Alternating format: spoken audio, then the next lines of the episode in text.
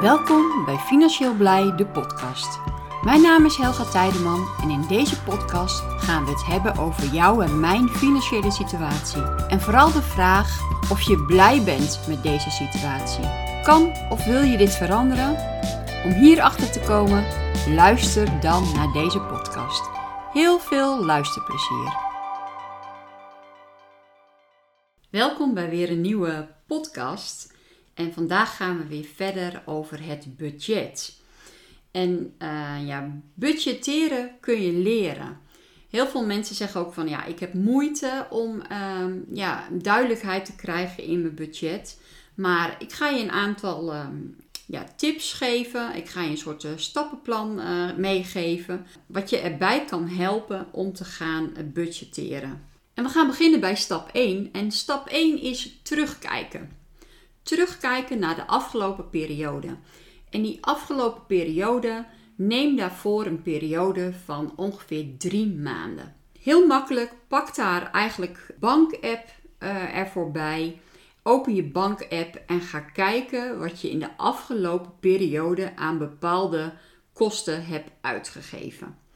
Uh, neem bijvoorbeeld um, nou, je boodschappen. Ga gewoon kijken van hoeveel um, ja, pintransacties je bijvoorbeeld hebt gedaan bij um, de supermarkten. Maar ook bijvoorbeeld, uh, pak bijvoorbeeld kleding, ga kijken welke pintransacties er zijn geweest. Ook zo uh, ga je de vaste lasten bij langs. Alles schrijf je op, tel je bij elkaar op. Wat heb je in de afgelopen drie maanden uitgegeven? Dit geeft je een beeld van hoeveel je ongeveer uitgeeft iedere keer. Maar het geeft je ook een beetje een besefmomentje als je dingen terug gaat kijken. Vaak geven wij zo klakkeloos maar geld uit. En het is heel makkelijk om uh, je bankpas uh, even bij uh, de pinscanner te houden. Piep piep en je geld is weg, zeg maar. En eh, je hebt niet meer, omdat je vaak niet meer het contante geld ziet, heb je vaak niet het besef hoeveel je eigenlijk uitgeeft. Dus terugkijken in jouw bankapp van uh, ja, hoe zijn je uitgaven geweest in de laatste drie maanden. Dat gaat jou helpen om een heel duidelijk overzicht te brengen. Dan komen we aan bij stap 2 en dat is op onderzoek uitgaan. Uh, bepaalde uitgaven vinden wij, uh, die wij doen, waarschijnlijk best normaal. En we denken ook dat de grootte, de hoogte van het bedrag ook normaal is. Maar is het normaal dat wij, uh, ik noem maar wat, hè, als bijvoorbeeld een gezin met um, uh, twee kleine kinderen, uh, hè, dus twee volwassenen, twee kleine kinderen onder de 10 jaar en we geven in de week uit, 250 euro uit aan boodschappen. Is dat normaal of geven we het royaal uit of zijn we dan juist zuinig?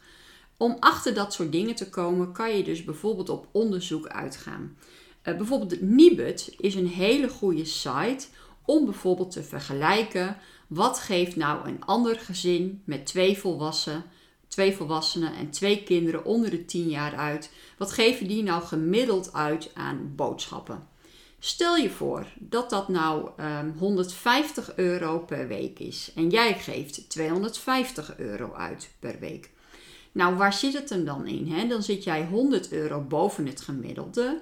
Komt het omdat jij um, nou ja, bepaalde dieetproducten moet halen? Um, kunnen je kinderen niet tegen bepaalde producten, waardoor je andere producten moet hebben, waardoor je duurder uitkomt? Uh, ga dat gewoon analyseren, ga daar op onderzoek uit. Of doe je misschien wel gewoon bij de verkeerde winkel boodschappen? Of kies je misschien toch te vaak voor bijvoorbeeld aanmerkproducten in plaats van producten onderuit het schap of B-merk? Als jij weet dat bijvoorbeeld een richtlijn gemiddeld ongeveer 150 euro is, kan het voor jou natuurlijk ook een uitdaging worden om jouw budget misschien ook terug te krijgen naar ongeveer dat bedrag. Stel, jou, stel je voor andersom, jij geeft maar, ik noem maar wat, 75 euro uit aan je boodschappen elke eh, week. En uh, het is voor jou best uh, lastig om daar iedere keer gezond van te koken, om de juiste boodschappen in huis te hebben. En ehm, je hebt wel nog ruimte in je budget, maar je vindt eigenlijk 75 euro best al wel veel in jouw beleving. En je ziet dat het gemiddeld bijvoorbeeld 150 euro is. Dus dat jij me eigenlijk maar de helft uitgeeft van wat een beetje gemiddeld de standaard is. En je hebt zelfs nog ruimte. Dan kan je misschien zeggen van nou oké, ik verhoog mijn budget iets. Dus mm, dat zijn een beetje graadmeters waar jij ehm, wat aan kan hebben om te zien of jouw budget in de juiste koers ligt. Dan komen we aan bij stap 3 en dan is het ben je tevreden of niet. Als je die ehm, drie maanden allemaal hebt teruggekeken in je bankapp app en je hebt gezien wat je allemaal uitgeeft, ben je daar dan tevreden over of niet? Wat is jouw gevoel daarbij? Denk je van, oh, ik heb echt veel te veel uitgegeven en ik voel me hier gewoon niet prettig bij, dit moet veranderen? Of denk je, nou, ik heb het best goed gedaan. Als dit is wat ik uitgeef iedere maand, dan doe ik het best goed. Ga gewoon kijken. En als jouw gevoel uh, er niet fijn bij is, hè, dat je echt zegt van ik geef veel te veel uit, waar ligt dat dan aan? Op welke punten geef je dan te veel uit? Um, zet die punten voor jezelf papier. Is het ook waar dat jij zoveel uitgeeft aan die punten? Of was het toevallig alleen maar in drie, die drie maanden en geef je de rest van het jaar er eigenlijk niet zo heel veel aan uit? Um, ga dat voor jezelf na. Ben je dus tevreden of niet? Volgende stap, stap 4, is werk in kleine stapjes. Nou, ik heb net dat voorbeeld al aangehaald van stel je voor, hè, uh, jij met je gezin geeft 250 euro uit in de week aan boodschappen.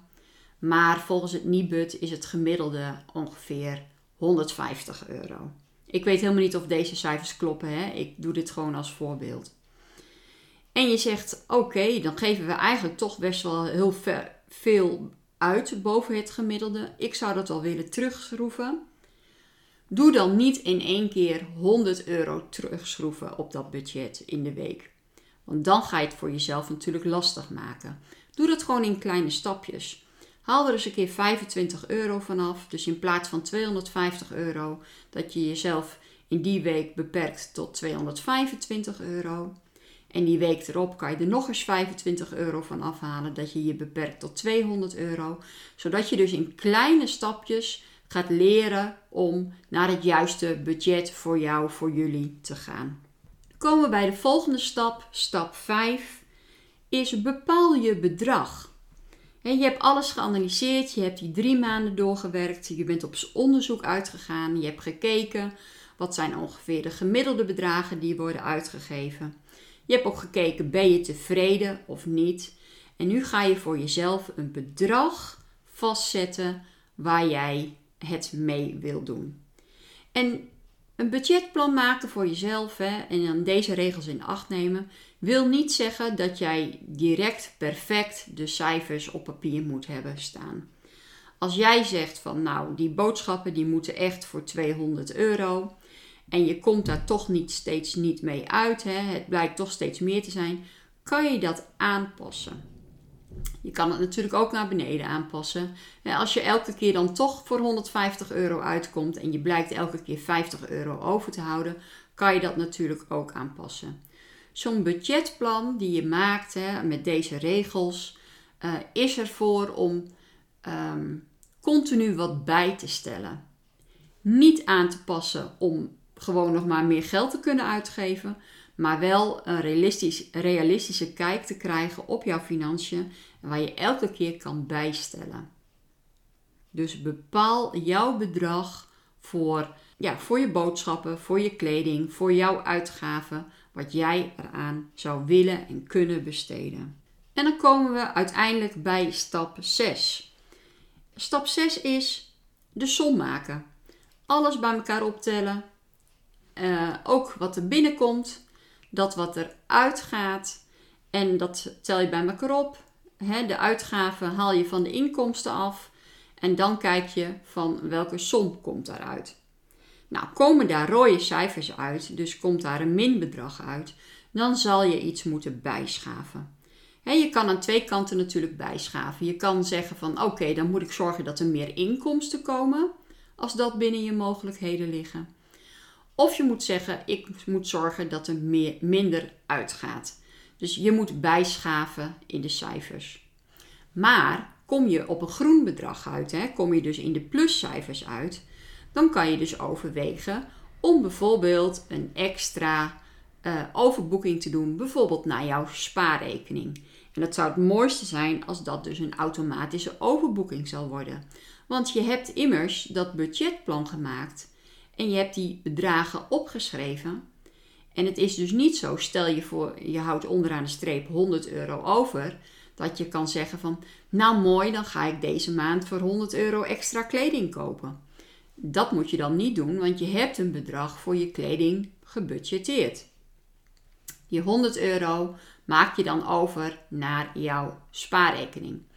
Heb jij een um, vaste maandinkomen, dan is het ook heel makkelijk om bijvoorbeeld zo'n budgetplan te maken. En je weet dus ook wat ongeveer je vaste uitgaven zijn.